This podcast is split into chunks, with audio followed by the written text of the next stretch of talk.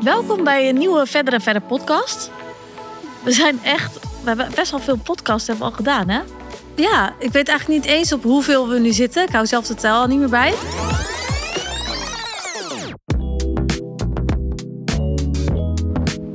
En Esther, die komt eigenlijk net terug uit Dubai. Ik heb nog een eh, heel, eh, hele bruine, bruine kop van, eh, van de zon. Ik ben vijf dagen in Dubai geweest. Dit is eigenlijk een wel echt de eerste keer in jaren dat ik zonder ander op vakantie ben geweest. Ja, ze heeft me nog proberen over te halen om eh, mee te gaan. Maar uiteindelijk heb ik toch nee gezegd, omdat ik eh, midden in een verbouwing zit van mijn huis. Dus niet zo heel goed uitkwam. Maar Dus- normaal regelt Anne altijd... Of normaal regel jij alles op vakanties. Ik word ook wel Anne Travel genoemd. Dus het is echt dat jij alle reserveringen, dus echt van lunch naar, naar diner, naar ontbijt, tussendoor, wanneer je mag chillen, wanneer niet. Eigenlijk regel jij altijd alles. Esther volgt gewoon. Dus dit is echt de eerste keer dat ik eh, dat alleen moest doen. Maar gelukkig had jij Ismaël bij je, die, ze- die zelf ook zo is. Ja. Dus die heeft alles voor jou, eh, dus voor jou maakt het eigenlijk niet uit. Nou, Die en heeft alles voor jou georganiseerd. eigenlijk merkte ik dat ik het ook wel weer heel leuk vond om het zelf te organiseren. Want Ja, ik, wat, maar wat heb je dan georganiseerd? ik heb echt overal over nagedacht. Over na, maar wat heb je dan georganiseerd? Nou, zit even niet zo tegen mij te Nee, doen. vertel. Nou, samen met. Nee, nee. Het is wel zo dat we echt samen hebben gekeken naar waar we gingen lunchen, waar we gingen avondeten. En ik heb zelfs veranderingen aangebracht. Oh, Wat ik. Ja, je hebt overal over nagedacht. nou. Nee. Nee, maar oké, vond je het leuk? Maar ik meen het oprecht. Ik had wel dat ik nu pas merkte dat ik de afgelopen jaren heel veel wel op jou heb geleund in planningen. Alleen dat ik er ook wel achter ben gekomen dat ik het zelf heel leuk vind om erover na te denken. Ja, dat is ook superleuk. Ja, dus ik ga dat vanaf nu ga ik dat wel vaker doen.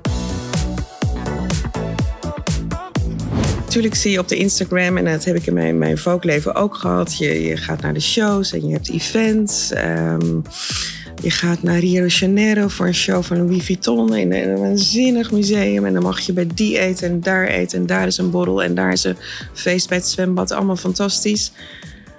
Maar het is ook een baan. Maar is die wereld echt zo glamorous? Als... Die stukjes zijn heel glamorous. Ja? Ja, maar weet je, je komt wel s'nachts om drie uur terug op Schiphol. En dan eh, moet je met je koffers loop je Ja. naar je auto. En ehm, weet je, we wonen toch in Nederland. Ik bedoel, ik word niet als Anna, of ik werd niet als Anna Wintour door mijn eigen driver opgehaald. Ik moest gewoon naar het parkeergarage en mijn De auto. Ja. En dan kwam ik thuis en dan zei mijn man: Oh ja, ik heb geen tijd gehad voor de was, dus die ligt nog daar. En Oh ja. Ja. Fucking hell, ik zat in New York en nu Ja. sta ik hier weer de hond, Ja. eh, hè, met de hond uit en te wassen. Maar ja, dat doen we Ja. allemaal. Maar werk zag- jij veel? Ja. Veel dan, eh, want waar moet ik aan denken? Want je hebt, ja, je hebt ook een privéleven, je hebt ook een eh, man en je hebt een kind.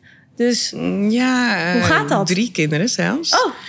Ehm, ja, ik werk gewoon heel veel. Maar dat gaat een soort van, weet je, als je het leuk vindt. En ik vind het echt niet altijd leuk, hè, dus het klinkt niet wel de Fabulous Life. ehm, gaat het ook wel een soort van zelf.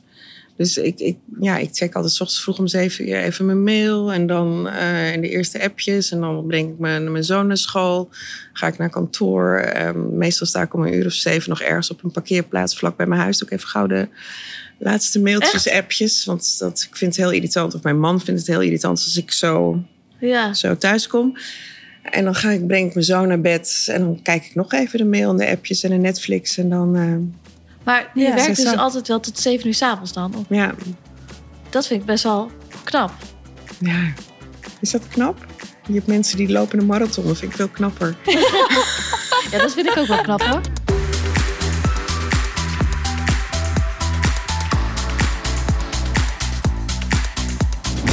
Jij hebt daar gewoon een ding van gemaakt. Ik weet niet of ik degene ben die, er, die het echt op de kaart heeft gezet. Maar ik was denk ik wel een van de eerste. Want ehm, eh, toen ik zwanger was van Jay, toen was er eigenlijk heel weinig. Ja. Of nee, van Fabian was het. Eh er was een heleboel online, maar het waren meer forums over eh, zwangerschap. Allemaal ellendeverhalen. En ik had zoiets van, ja, weet je, ik, ik heb heel erg behoefte aan een platform waar je geïnspireerd kan raken. Waarop je, weet je, niet alleen qua moederschap, maar ook qua fashion en beauty en lifestyle als moeder. Ja. Ik vind dat je als moeder nog steeds eh, gezien mag worden, eh, kan ondernemen en je leven kan leiden. Ja. En toen dacht ik, nou, misschien moeten we een soort van folk gaan creëren voor mama's. En zo werd Pretty Pregnant eigenlijk geboren. En dat was wel echt gewoon hip. Ja. Het is wel echt gewoon, je hebt iets, je hebt, ik weet niet of je het zo kan zeggen, maar je hebt wel een, een soort van kliek gecreëerd. Ja, En het is cool als je daarbij hoort. Ja. En iedereen had op een gegeven moment ook de mom ja, ja. en ja. de dad. En dat was eigenlijk, weet je, wij noemden dat toen contributors. Want eh, we hadden op een gegeven moment een groep meiden om ons heen verzameld. Ik was van, ja, weet je, je hebt natuurlijk je redactie met de artikelen en alle nieuws-items. maar we willen eigenlijk een insight geven in het leven van echte moeders. Dus eh, we hadden een hele groep meiden om ons heen eh, verzameld. En ook vriendinnen van ons, allemaal ook die, als je zwanger was, dan wilde je graag een blog hebben bij Ja. ons. En eh, die gaven dan een kijkje in de keuken. En dat ging, eh, de een was dan gespecialiseerd op, eh, weet je, op fashion. De ander zat meer eens in, eh, in de lifestyle. De ander meer op sportgebied.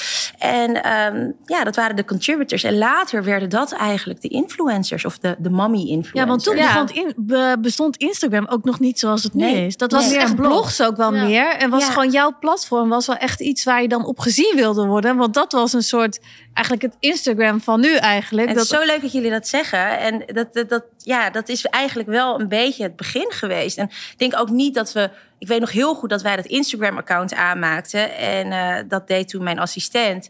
En toen, had ik, toen zei ik ook, was ik een beetje sceptisch. Toen zei ik van ja, nou weet je, hoe belangrijk is dat nou? En Ja, eh, ja. wat gaan we daar nou eigenlijk mee doen? Misschien is het weer zo'n eh, one-day fly, weet je. En eigenlijk helemaal niet weten wat voor impact dat nu allemaal heeft. En wat voor grote rol het speelt. Dus het was allemaal nog heel erg onschuldig. En het dingetjes delen. En toen deed je alles nog met zo'n gekke filter. ja, Zo'n ja, standaard ja, filter. ja, ja. Waar Zo helemaal korselig. Ja, helemaal korrelig, waar je onwijs lelijk van wordt. Ja. Ja. Zo grappig. En vanuit daaruit ben je veel verschillende dingen gaan doen. Ja, ja ik ben echt, eh, echt een mega duizendpoot. Ja. En als ik ergens een kans zie, eh, niet alleen, ja, vooral ook business-wise, dan eh, spring ik er eigenlijk meteen in. Voor alles op gevoel. ja. En zo zijn er een heleboel dingen op mijn pad gekomen. En Pretta Pregnant, The Mom and the Dad, dat heb ik nog steeds. Ehm, ik maak er nog steeds grote beslissingen over. Maar ik ben niet echt meer dagelijks actief ermee. Ja. Uh, maar het zijn gewoon de kindjes waar ik geen, eh, geen afstand van kan nemen. Want wie doen dat nu dan? Dat eh, wordt gedaan nog steeds door het team wat ik vroeger had. Alleen zijn er nu twee meiden die daarop zitten. Oké. Die doen het er freelance bij.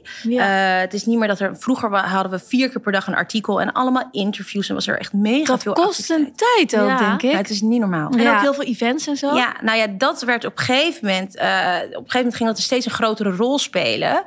En vond ik dat het steeds leuker worden. De Want die evenementen- events, dat is ook wel echt een groot gedeelte van wat jij doet eigenlijk. Ja. En waar jij nu ook wel heel erg bekend om staat. Want Ja, dat, bij elk gaaf event zie ik dan Janine komen. Ja, echt ja, ja. komen. En denk ik, zie je wel weer. Maar ik wil ook altijd heel graag dat jullie komen. Het is er weer. Gezellig, gezellig.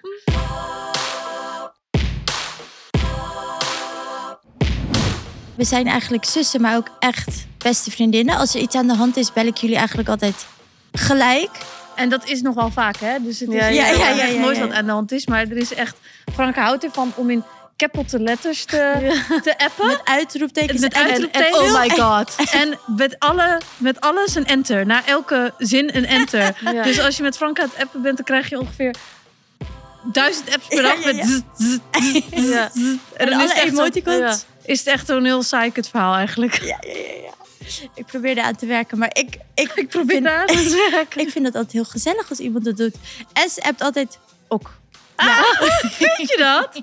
Nee. Anne ook En ik dan. Jij Ja, ook, ik ook. Jij ook Of jij als ook, je, als je pech hebt, gewoon helemaal niet. Nee. Maar er is wel een verbetering eh, te zien bij jullie, want jullie zijn nu in de eh, stickers beland. Oh, stickers. Ja, nee, maar we hebben een paar toppetjes van jou doorgekregen hoor, stickers.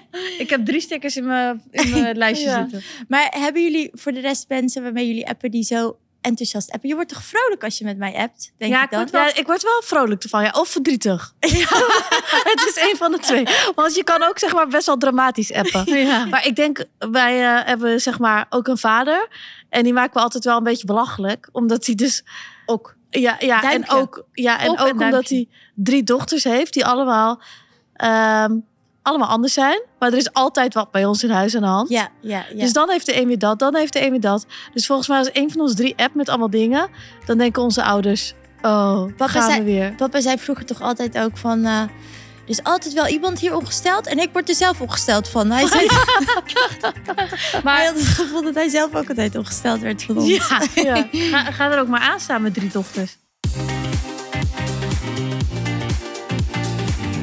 Ik heb momenten gehad in mijn leven. Kijk, ik heb heel lang modellenwerk gedaan. Uh, maar ik at super ongezond. Want ik werd er niet dikker van. Dus ja, Ja. zolang je geen dikke kont krijgt... Ja, waarom zou je dan eh, geen zakken chips eten Ja. en Milky Ways? Dan kijk je echt niet naar de lange termijn effect eigenlijk. Helemaal niet. Nee. Nee. ik was wel vaak heel erg moe. Ehm, maar ik ben ook iemand, ik, ik heb ADHD, dus ik ging er dan wel weer overheen met de andere kant energie. Ja. Ja, dan vul je een beetje de gaten met het een en het ander. Maar jeetje, als ik toen had geweten wat ik dan nu allemaal wist, had ik toch wel dingen echt heel anders kunnen doen. Want wat is de belangrijkste omslag die je hebt gemaakt in die tijd? Bewust worden van je eigen proces. Bewust worden van, hé, hey, hoe werkt nou mijn lichaam? Wat is holisme? Als je Ja. gaat kijken dat, dat, weet je, je brein is niet alleen je brein. Je brein is er niet alleen voor je leerprocessen. Is niet je mindset, hoe je over dingen denkt. Het stuurt alles aan. Al je organen zijn verbonden met je brein. Je hart. Als je verdriet voelt, dan gaat je brein ook niet optimaal. Andersom, stuurt elkaar aan. Daar heb ik nooit bij stilgestaan. Nee. Bedoel, je leert eh, in biologieles eh, heus wel dat we hersenen hebben, maar daar houdt het dan ook best wel een beetje mee op. Ja. Ja. Dat het dus je hele holistische systeem als mens zijnde aanstuurt en eigenlijk je fundament is. Ja, dat was voor mij uniek. Maar vind jij ook dat het meer geïntegreerd moet zijn in de op, bijvoorbeeld de opvoeding van kinderen? Ja, Want die krijgen dat eigenlijk niet. Misschien in Amsterdam dat dat wel weer wat meer komt. Maar ik denk dat dat echt niet, niet zo Nee. meegekregen. Nee, nee, ik denk dat we het hele, helemaal niet hebben meegekregen en nog steeds niet zo is. Ik denk dat het heel belangrijk is, want die eerste acht jaar van je leven ben je een soort spons en dat bouwt de rest van je leven. Dus dat wat er wordt opgeslagen in je brein in jouw eerste acht jaar is alles bepalend voor de rest van je leven. Daar kunnen we zoveel in veranderen, maatschappelijk. Dus als we daar als maatschappij anders naar gaan kijken en anders mee omgaan, ja, dan kunnen we een heel groot verschil maken. En dat is ook, ik heb een stichting opgericht anderhalf jaar geleden met een neurowetenschapper, Marcia Goddard. En onze missie is om op scholen de kennis over het brein te kunnen gaan brengen. Dat kinderen al jong leren hoe ga je om met tegenslagen. Hoe kun je wendbaar en weerbaar in het leven staan. Ja. Ja. Hoe ga je om met stress? Hoe ga je om met het verlies? Hoe ga je om met relaties die eindigen met iets Ja. wat niet leuk is? Want je geeft ook lezingen natuurlijk op eh, scholen. Ja, Heb ik gezien. ja klopt. Ik denk dat dat wel heel goed is om ja, kinderen Ja, dus ja. echt bewust te maken van hoe belangrijk het eigenlijk is. Ja, en hoe jonger je daarmee begint, hoe makkelijker het is. Kijk, ik heb dit bij Sky echt vanaf het begin af aan gedaan. En zelfs toen hij nog niet eens tegen me terugpraatte, vertelde ik al: ja, maar je hersenen zijn heel belangrijk, moet je goed voor zorgen. Nou, die is nu bijna zes. En die vertelt het nu tegen andere kinderen. Nee, maar als je dat eet, is slecht voor je hersenen. Kun je Wat daar niet klimmen? Ja. Want hij eet ook heel gezond, toch? Hij eet super gezond. Ja, dat is ehm, ja, een van de dingen die ik super belangrijk vind, is dat hij gewoon genoeg vitamines en mineralen binnenkrijgt, omdat je brein die voedingsstoffen nodig heeft. Ja. Je wordt ziek als mens als je niet gezond eet. Je wordt ziek als mens als je stress hebt. Je wordt ziek als mens als je emoties opkropt.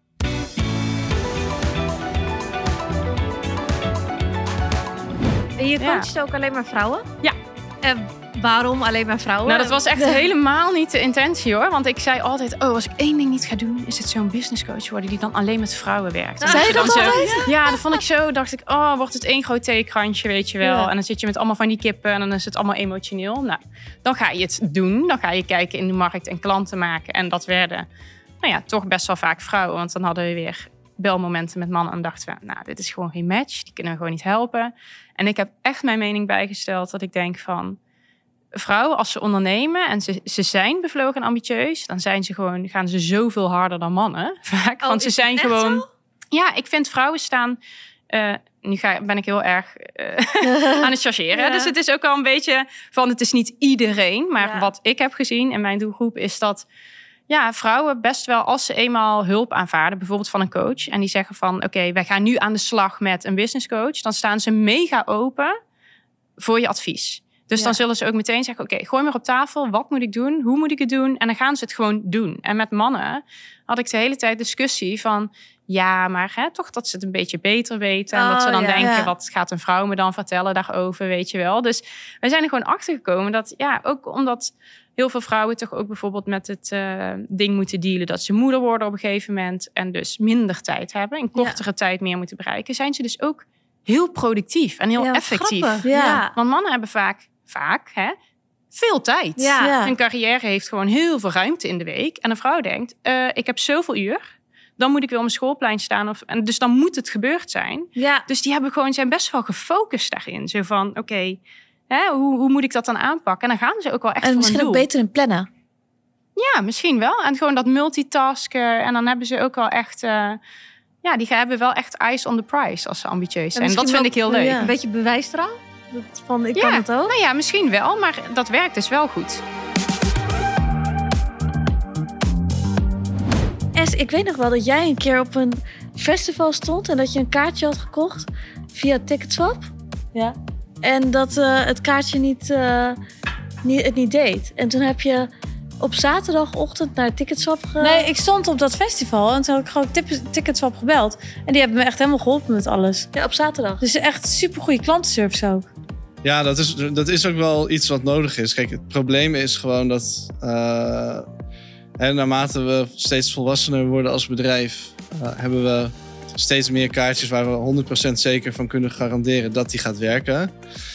Maar zelfs dan gaat er ook nog wel eens wat mis aan de deur. Ja.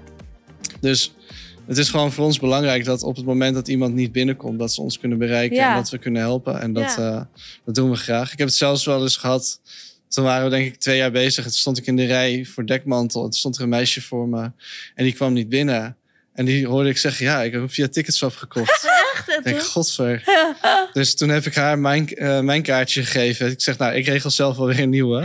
Oh, Dus dat was, eh, die was wel blij dat ik haar zo kon, Dus zij kon had een helpen. 5 sterren review gegeven aan uh, Ticketswap.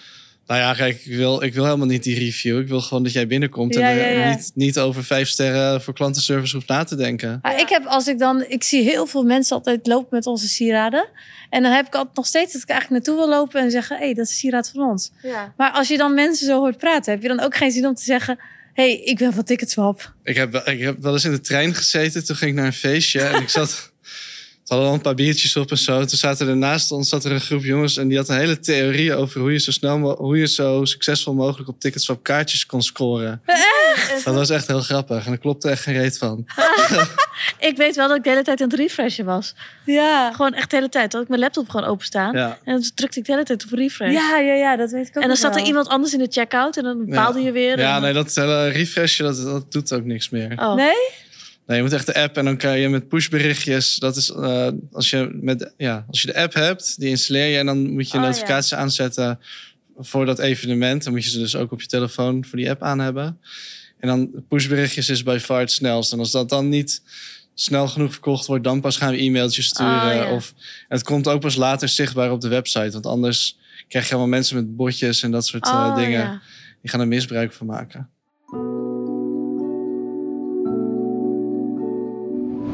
Ja, en als je dan ineens eh, denkt dat je met rugpijn even ter controle naar het ziekenhuis gaat en eh, je komt er binnen en ze zeggen eh, het is helemaal mis, over een uur word je moeder, dan denk je echt dit, dit overleef ik niet. Ja. Dat dacht ik echt. Ik dacht, nou, ik zei, ik kan veel hebben hoor, maar dit, eh, deze sla ik even over. Ik begon nog dat ik een keizersnede wilde, ja. maar dat was ook een beetje te laat. Nee, want binnen 10 minuten ben je bevallen. Ja. En toen, toen drie maanden in het ziekenhuis gelegen. Dat is natuurlijk ook bizar. Bijna 100 dagen. Ja, niemand mocht erbij. Nee, ook niet, corona. Wij, wij mochten Johan niet zien. Niemand. Dus het was zeg maar ook dat, dat... Nou, jij bent eigenlijk onze beste vriendin, nichtje, zus. soort van alles door elkaar heen. En jouw zoontje mochten we niet zien. Dus het was ook heel raar. Heel voor, abstract. Voor jou, weet Ja. je, dat het een, een soort leven die had die... Een, een soort dubbelleven Ja. in het ziekenhuis. Ja. Ja, en toen op dag... Nee, na, na vier weken of zo in het ziekenhuis vol tijd. Want eigenlijk ben ik toen ook gelijk door blijven werken. Omdat we die verkoop aan het doen waren. Dus ik kon ook niet echt rust nemen. En dan zat ik gewoon 's ochtends in het ziekenhuis. En dan zat ik tussendoor op de wachtkamer. Zat ik de verkoop te regelen. En dat is eigenlijk natuurlijk een bizarre gedachte... dat je, dat, dat, dat überhaupt een mogelijkheid is in iemands leven. En toen na bijna 100 dagen, toen, eh, kwam hij thuis. En toen begon eigenlijk de ellende pas. Want dan denk je, oh ja, er komt een gezond babytje thuis. Maar dat was helemaal niet, want hij was natuurlijk super vatbaar voor virussen. Eh, alles kon hem fataal worden. Hij had nog zondevoeding. En eigenlijk is dat natuurlijk niet echt een soort wittebroodsweek...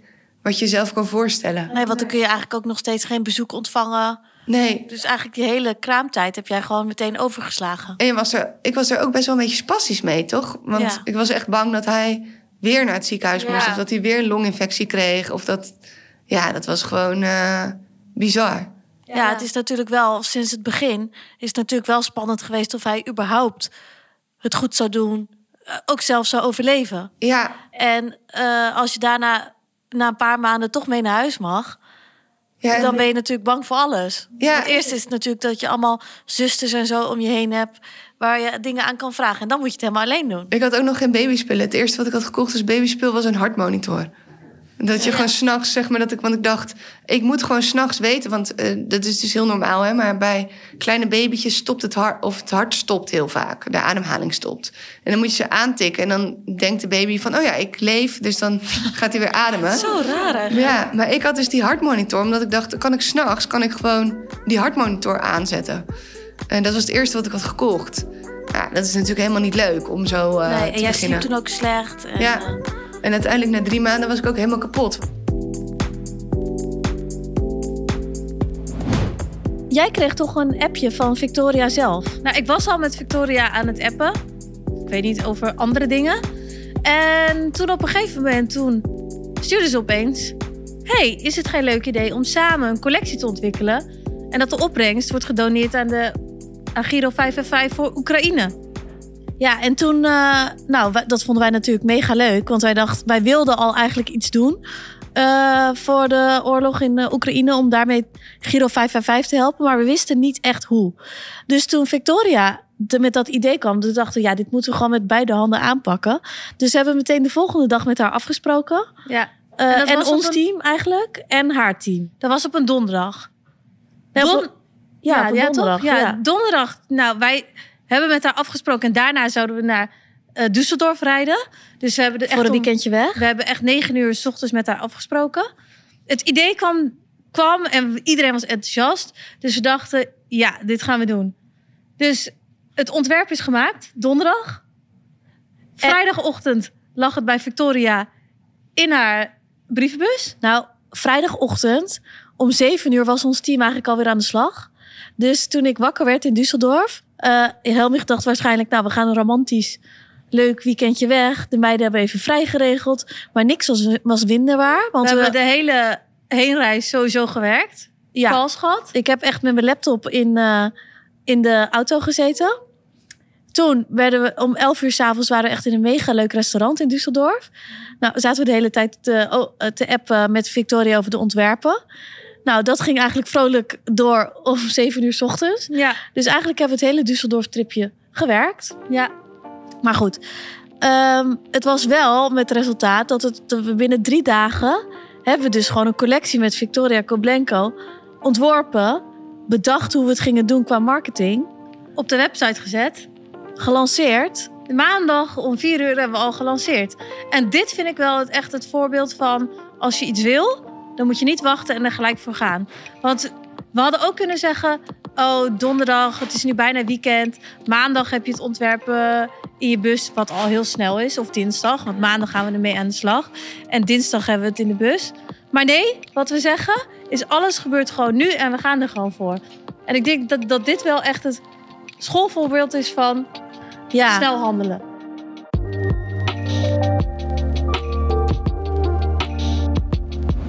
Anne, die, eh, haar relatie is natuurlijk net ja, over. over. Ja, Ja, misschien eh, ken je, eh, help jij ook wel veel mensen die dit ook meemaken. ja Heb zeker. je dan nog tips voor bijvoorbeeld eh, Ja, voor nou ja, break-ups? Ja, want ik had altijd dat ik eh, dat nooit zo had meegemaakt. Maar nu Mhm. zei ik net tegen S dat ik echt, zeg maar, zelfs pijn van mijn hart had. ja. Omdat ik het zo heftig allemaal vond. En dat ik echt de dagen moeilijk vond. En Mhm. weet je wel, dus dat, dat ik echt een beetje aan het struggelen was met mezelf. ja. Van hoe ga ik nou hiermee om? Want je hebt toch een soort toekomstbeeld samen. Mhm. Wat in één keer Ja. weg is. Ja, En ik denk wel dat heel veel mensen dat eigenlijk ook hebben. Ja, Want zeker. ik ging zelfs ook podcasts opzoeken die ik ging luisteren van met tips. En toen ehm, hadden ze het ook over die seven stages of a breakup. ja. Maar is dat ook echt zo? Ehm, nou, ik heb ze even niet helder, moet ik zeggen. Wat We die seven stages opgenoemd. Ja. uit, uit mijn hoofd zou ik niet. Maar ik ken ze. Ehm, maar zelf denk ik dat dat voor iedereen echt wel anders is. Maar ik denk dat het voornamelijk heel belangrijk is dat je voor jezelf echt een soort van ja rouwperiode-achtig eh, dat je dat jezelf dat gunt. Dus eh, geef jezelf die tijd om echt even ja prima even wat tranen te laten, een beetje te zwelgen in ja toch een beetje dat zelfmedelijden mag er zijn, dat moet er zelfs zijn. Zijn. Want het is allemaal niet niks wat er gebeurt. Dus ik denk dat het heel belangrijk is dat je dat dat je daar ruimte voor geeft. Ja. Dus dat je dat lekker laat gebeuren. En ehm, dat je ook bedenkt van het is tijdelijk, het gaat over. Ehm, maar neem ook de tijd om het een plekje te geven. Dus ehm, ga niet meteen duiken in dat uitgaansleven of het dateleven. Dat doet ze dus wel, hè? Ja, maar weet je, ik snap het. Want het is natuurlijk, het geeft afleiding. En het geeft je weer even die boost wat je misschien nodig hebt voor je, hè, voor je, voor dat zelfvertrouwen. Maar, Maar ik had eerst de eerste dagen, dan eh, vertel je natuurlijk vriendinnen en iedereen wil wat leuks met je doen. ja, Dus iedereen wil je uit huis trekken om, ah, ja. eh, Ja, om even leuk uit eten te gaan. eh, drankjes aanbieden, Ja. eh, weet ik wat. Dus op een gegeven moment was ik elke avond ja. uit eten en best wel veel aan drinken. En toen werd ik de volgende dag wakker en ik voelde me gewoon niet beter daardoor, Nee. zeg maar. Nee. Dus het is, die avond is wel leuk, maar Ja. die ochtend, dan voel je je nog ellendiger. Ja, Dus op een gegeven moment ben ik dat wel iets rustiger gaan doen. ja, Maar toen dacht ik, dat is het. Het is gewoon lastig van, wat wil je nou?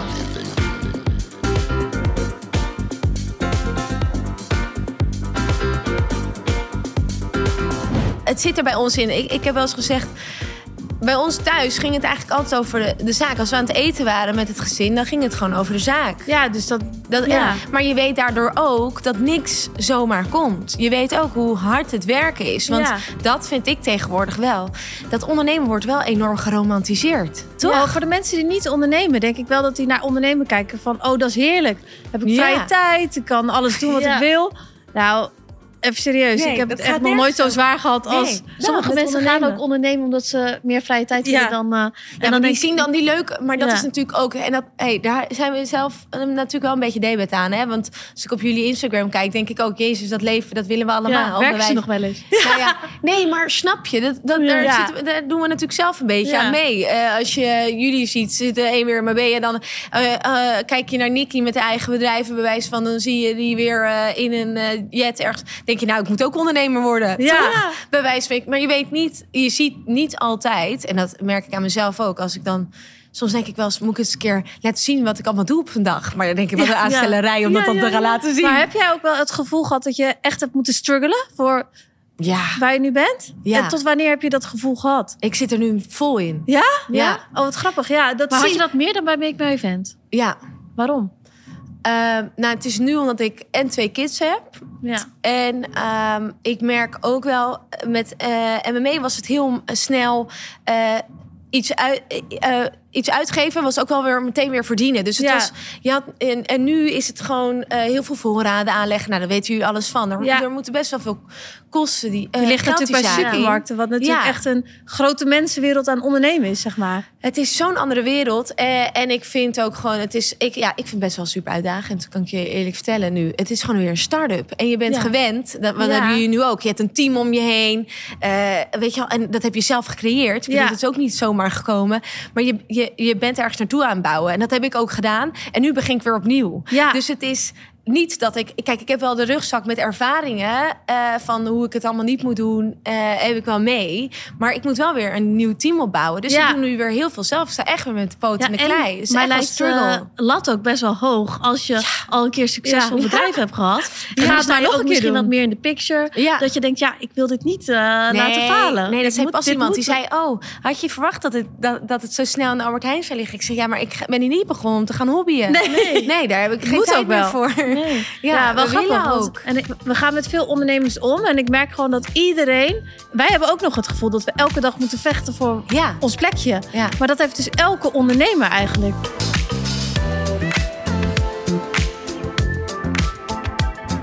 Eigenlijk heb ik een beetje hekel aan eh, een gezamenlijke rekening. Ja. Dat wil ik eigenlijk ook helemaal niet.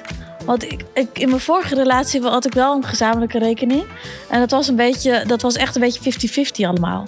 Maar dan hadden we dus bij ING hadden we zo'n rekening. En als je dan uit eten ging of zo... dan Dan zag je te pas en dat onpas dat oranje kaartje toen overal zag ik die oranje kaart en toen dacht ik, ja, dat vind ik toch minder leuk. Ik vind het toch altijd leuk als een man je mee uit eten neemt of zo. Ja. In plaats van dat je overal de helft van betaalt. En ik kreeg ook achteraf van vakanties en zo net zo goed een tikkie als ik nog wat moest betalen. Weet je waar ik dus altijd zo'n hekel aan heb? Dat je dat dus niet besproken hebt. En dat je zelf dus heel makkelijk bent en niks hebt bijgehouden. En dat je dan achteraf van iemand helemaal een overzichtje krijgt van wat je iemand nog moet betalen. Op de cent nauwkeurig. Vind ik ook En zo dat je dat dan gierig. zelf denkt, oh, geen idee. Ja, vind ik ook zo gierig. Ja, Maar ik heb wel een beetje zoiets dat ik nu dacht... Tikkie, daar wil ik ver vandaan blijven. ja. Dus ik wil niet geld gaan overmaken of dingen bijhouden. Ik vind het gewoon echt verschrikkelijk. Dus wij doen het nu allemaal wel een beetje van... oké, de ene keer betaal jij, de andere keer betaal ik. Weet je wel, dus dat dat gewoon wat, meer, wat soepeler gaat. En het is ook wel een beetje, denk ik, dat je wat meer vertrouwen of zo hebt. ja je moet Dat het wederzijds vertrouwen komt. hebben dat het Ja. wel weer terugkomt. Maar als ik dat door heb, dan ga ik weer bijvoorbeeld zijn tickets boeken als we op vakantie gaan. Dus naar Marbella moeten we nu best wel vaak. En die, boeken, eh, die tickets boek ik nu allemaal. Familievakanties, weet je wel, dat soort dingen. Ja, Ehm, maar daarbij heb ik echt het gevoel dat hij het dan alweer vergeet dat ik dat heb gedaan. ja. Ik denk dat ook altijd. Maar ik denk dat hij dat andersom ook bij mij denkt. Dat ik het vergeet. Ja. Maar, ik heb wel dan? echt, echt dat ik het... Ik vind het heel belangrijk. De, de huur doen we echt 50-50. En dat vind ik ook echt, heel, echt wel belangrijk. Want in mijn vorige relatie woonde ik in het huis van hem. En toch had ik altijd wel het gevoel dat het daardoor niet mijn huis was. Ja. En nu we het echt voor de helft betalen, heb ik wel dat het echt mijn huis voelt. En als je een ruzie hebt, dan ben jij niet degene die moet oprotten. nee. En dat is altijd wel heel vervelend. ja, het is wel het gelijkwaardige. Dus ik heb echt al gelijk gezegd: nee, ik wil echt de helft betalen. Gewoon dat het gelijk is. En voor de rest, qua etentjes en zo, is het natuurlijk ook wel leuk als een man dat extra oppakt. Maar we hebben wel een gezamenlijke rekening voor de kosten van het huis en de.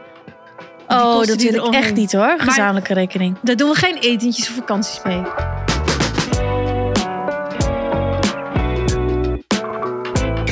Maar jij bent dus strafrechtadvocaat. Ja, En wat voor zaken doe je allemaal?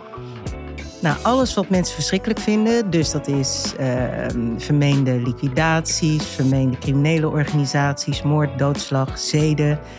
Wat zijn dan zeden? Eh, verkrachtingen, aanrandingen, ehm, fraude, witwassen, oplichting, ontvoeringen. Eigenlijk alles wat heftig is, dat doe jij.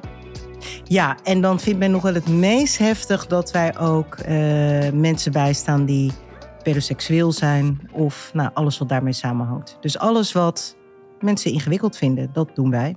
Nou, ik vind het nu je dat opnoemt, vind ik het al ingewikkeld. Ja. Maar hoe kom je in zoiets terecht? Want ik denk Ja. je dan als je jong Ja. bent, denk je dan.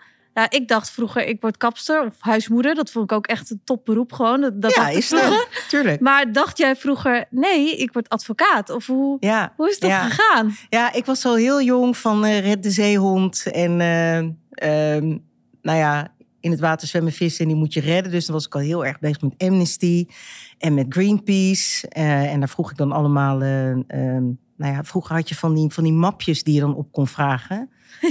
ja, moest je gewoon echt een brief sturen en dan kreeg je dat opgestuurd. Ja, wat echt. grappig. Ja. Ja, nou die kreeg ik dan voor Ja. weet ik veel de hoeveelste spreekbeurt of zelf. Dan kon ik daar zelf mee aan de slag. En toen ik tien was, wilde ik of journalist of advocaat worden. Maar dan, in mijn ogen was dat ja, maar dan wel de echte advocaat die de hele tijd op pad is. En toen keek ik met mijn vader heel vaak naar Medlock.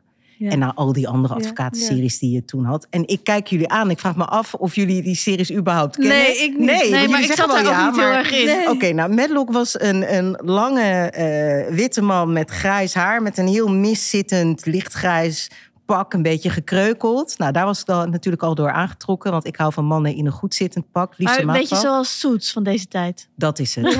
Maar dan, Soets is heel mooi. Ja. En hij was dat niet. Dus hij Ja. was eigenlijk... Ja, hij zou ook gewoon een, of andere shabby figuur kunnen zijn. Ja. En vervolgens was hij dan toch de advocaat van mensen. En wat me dan opviel is dat hij echt ging kijken op de plaatsen likt. Van nou, klopt dat nou wel? Hoe ziet het er daaruit? Als je er naartoe eh, toe rijdt, dan gaan we even de tijd klokken. Oh. Dus hij ging daar echt achteraan. En toen zei mijn vader van ja, als hij nou niet dit had gedaan, wat was er dan gebeurd met deze persoon? En toen dacht ik, ja, dit is Amerika, dat hij gewoon de doodstraf gekregen. Oh ja. En toen ging dat rond in mijn hoofd. En dacht ik, van, nou, ik wil strafadvocaat worden. En toen was ik elf jaar en toen heb ik dat besloten. Wat jong. Ja, En dat is wel leuk dat je eigenlijk ja, op zo'n jonge leeftijd eigenlijk al wel je passie dus hebt gevonden. ja. En dat ook echt achterna bent gegaan en daar ook heel succesvol in bent geworden.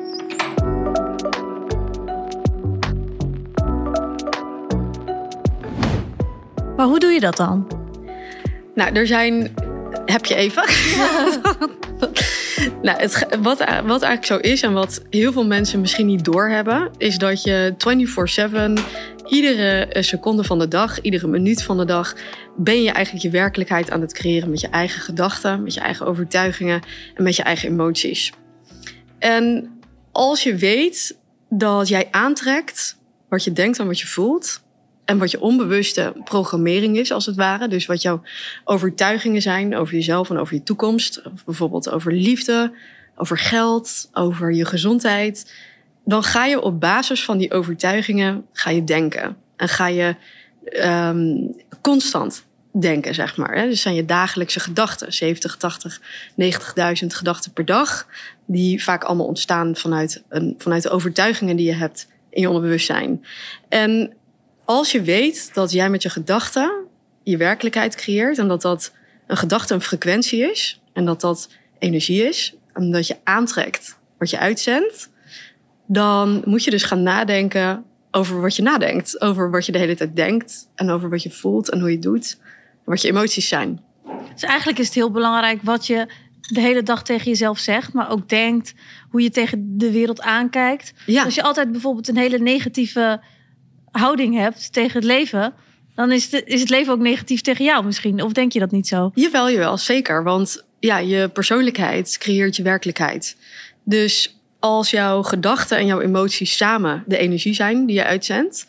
En je bent constant aan het klagen, of je bent aan het. eh, je zit in een slachtofferrol, of eh, je, hebt, je voelt de hele tijd afgunst of jaloezie. Dan is dat hetgeen wat je juist aantrekt. Dus als je een verlangen hebt, wat je heel, iets wat je heel graag zou willen, dan moet je dus gaan kijken, oké, maar wat denk ik daar dan de hele tijd over? Wat, wat is dus inderdaad het verhaal wat ik de hele tijd tegen mezelf, of over mezelf, of over mijn toekomst, of over dat specifieke aspect, wat ik daarover denk en wat ik daarover voel.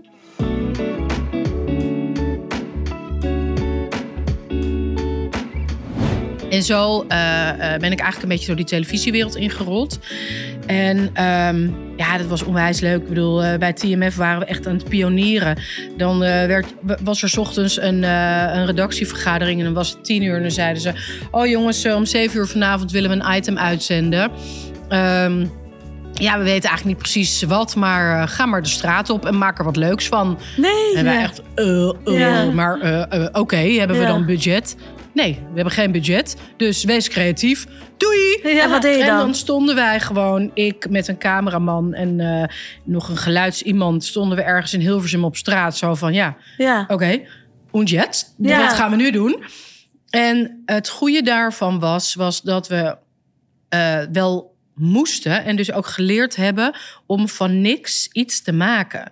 En, en te voelen dat er ook in beperkingen heel veel mogelijkheden zitten. Want wat deed je dan bijvoorbeeld? Nou ja, gewoon nadenken, wat, wat gaan we vandaag doen? En dan bedachten we een flauw spel. Wel heel flauw, maar Ja. wel heel lollig. En dan gingen we dat gewoon op straat doen. En ik moest dan natuurlijk best wel over mijn eigen schaamte heen... en allerlei mensen aanspreken. En ehm, nou ja, dan kwamen we om vier uur terug in de studio... en dan moesten we dat heel snel monteren. En dan hadden we om zeven uur een item. Wat geinig. En Ja. het, het was dus echt heel geinig. En het was echt heel leuk. En het was niet alleen maar dat soort tv hoor. Want het was ook zo dat ze zeiden van... joh, eh, volgende week eh, lanceert Britney Spears een nieuw album in Miami. Wie wil gaan? Nou ja, Ja, wij ja. natuurlijk allemaal, hoe ik Ja. wil gaan. Nou oké, ga jij. Jij mag, eh, nu is de eer aan jou. Ga jij maar ehm, op kosten van de platenmaatschappij... twee dagen naar Miami. Is echt een end vliegen. En Ja. ook een hele andere tijdzone. Dus het klinkt leuker dan het is. Want Ja. je komt aan en je bent zo, helemaal zo brak als een tak. En je Ja. moet wel meteen een interview doen. Ja. Maar nou ja, goed, we hadden ook niet zo heel veel voorbereidingstijd. Dus in het vliegtuig bedachten we dan alle nieuwe vragen aan Britney op basis van dat nieuwe, eh, nieuwe album. Het was natuurlijk ook En nog daar zaten we media dan. en zo. Ja. Dus je kon ook niet even Nee, in, het, nee. in het, weet je wel, op Nee. social media waar ze nu mee bezig is. Weet Nee, nee, nee, nee, nee. Dat was heel anders. Want ik heb wel eens allerlei beelden van toen geprobeerd terug te kijken. Maar er was ook nog geen YouTube. Dus ik kan mezelf ook niet meer terugvinden. Oh, dat is wel Oh, jammer. dat is wel jammer. Heel Ja. jammer. Ja. En ook geen. Ik had ook geen. Ik heb ook geen foto gemaakt, bijvoorbeeld. Maar hoe leuk zou het zijn als ik nu nog een foto van mezelf met Britney of met Beyoncé of weet je allemaal of met Pink, allemaal leuke artiesten Want wie is die. de grootste die je echt hebt eh, ontmoet? Nou, ik, vind, ik vond Beyoncé vond ik wel echt een... een Ja, groter kan niet bijna. Die was toen Ja. al huge. En hoe was dat? Even, daar ik gewoon Ik vond haar heel erg lief. Ja? Ja, ik heb haar een paar keer gesproken. En ik weet nog dat ze de volgende keer dat ik haar zag... zei ze, hey, I remember you. En toen keek ze naar mijn hand. En ik had een ring om die ze heel mooi vond. En toen zei ze, I love your ring. Weet je wel, nou, dat Ja. hoeft ze natuurlijk helemaal niet te zeggen. Nee, dus ja. er lopen allerlei mensen om Ja. haar heen. En lekker belangrijk, Ja. ik in dat geval. Maar ze was dan toch wel heel sympathiek en ook heel attent en zo. Maar je was nooit starstruck? Nou, ik weet wel dat ik toen dus naar, naar Britney Spears ging. En zij deed... Ze was... Ze zat denk ik een beetje in een ongemakkelijke tijd voor zichzelf. En toen stelde ik haar een vraag over haar album. En toen zei ze... ehm, brain fart. Zo van, ja, ik weet het nu niet meer. Ja. En toen zat ik wel echt tegenover haar van... eh, eh, Ja, eh, en nu? nu? Ja. Maar goed, weet je wel, ja. Maar heb je echt wel gelukkig. mooi meegemaakt op Ja. zo'n jonge Is leeftijd. toch leuk? Ja. Echt Ja. leuke ervaring. Ja.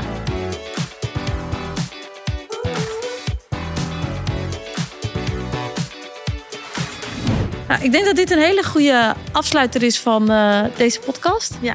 Ik wil jullie allemaal sowieso echt ontzettend bedanken voor het luisteren elke week. Eh, het is zo bijzonder ook om alle reacties van mensen te horen. We krijgen best wel vaak Instagram berichtjes over wat voor onderwerp mensen leuk vonden om te horen. Of dat ze zelf ook zoiets hebben meegemaakt. Blijf dat vooral doen, want wij vinden dat alleen maar heel erg leuk. En ik ben ook wel versteld hoe succes deze podcast uiteindelijk is geworden. Ik ook. Had ik echt nooit verwacht. Vooral het leuke. Ja. Nou, bedankt voor het luisteren weer en hopelijk tot volgende keer. Dankjewel.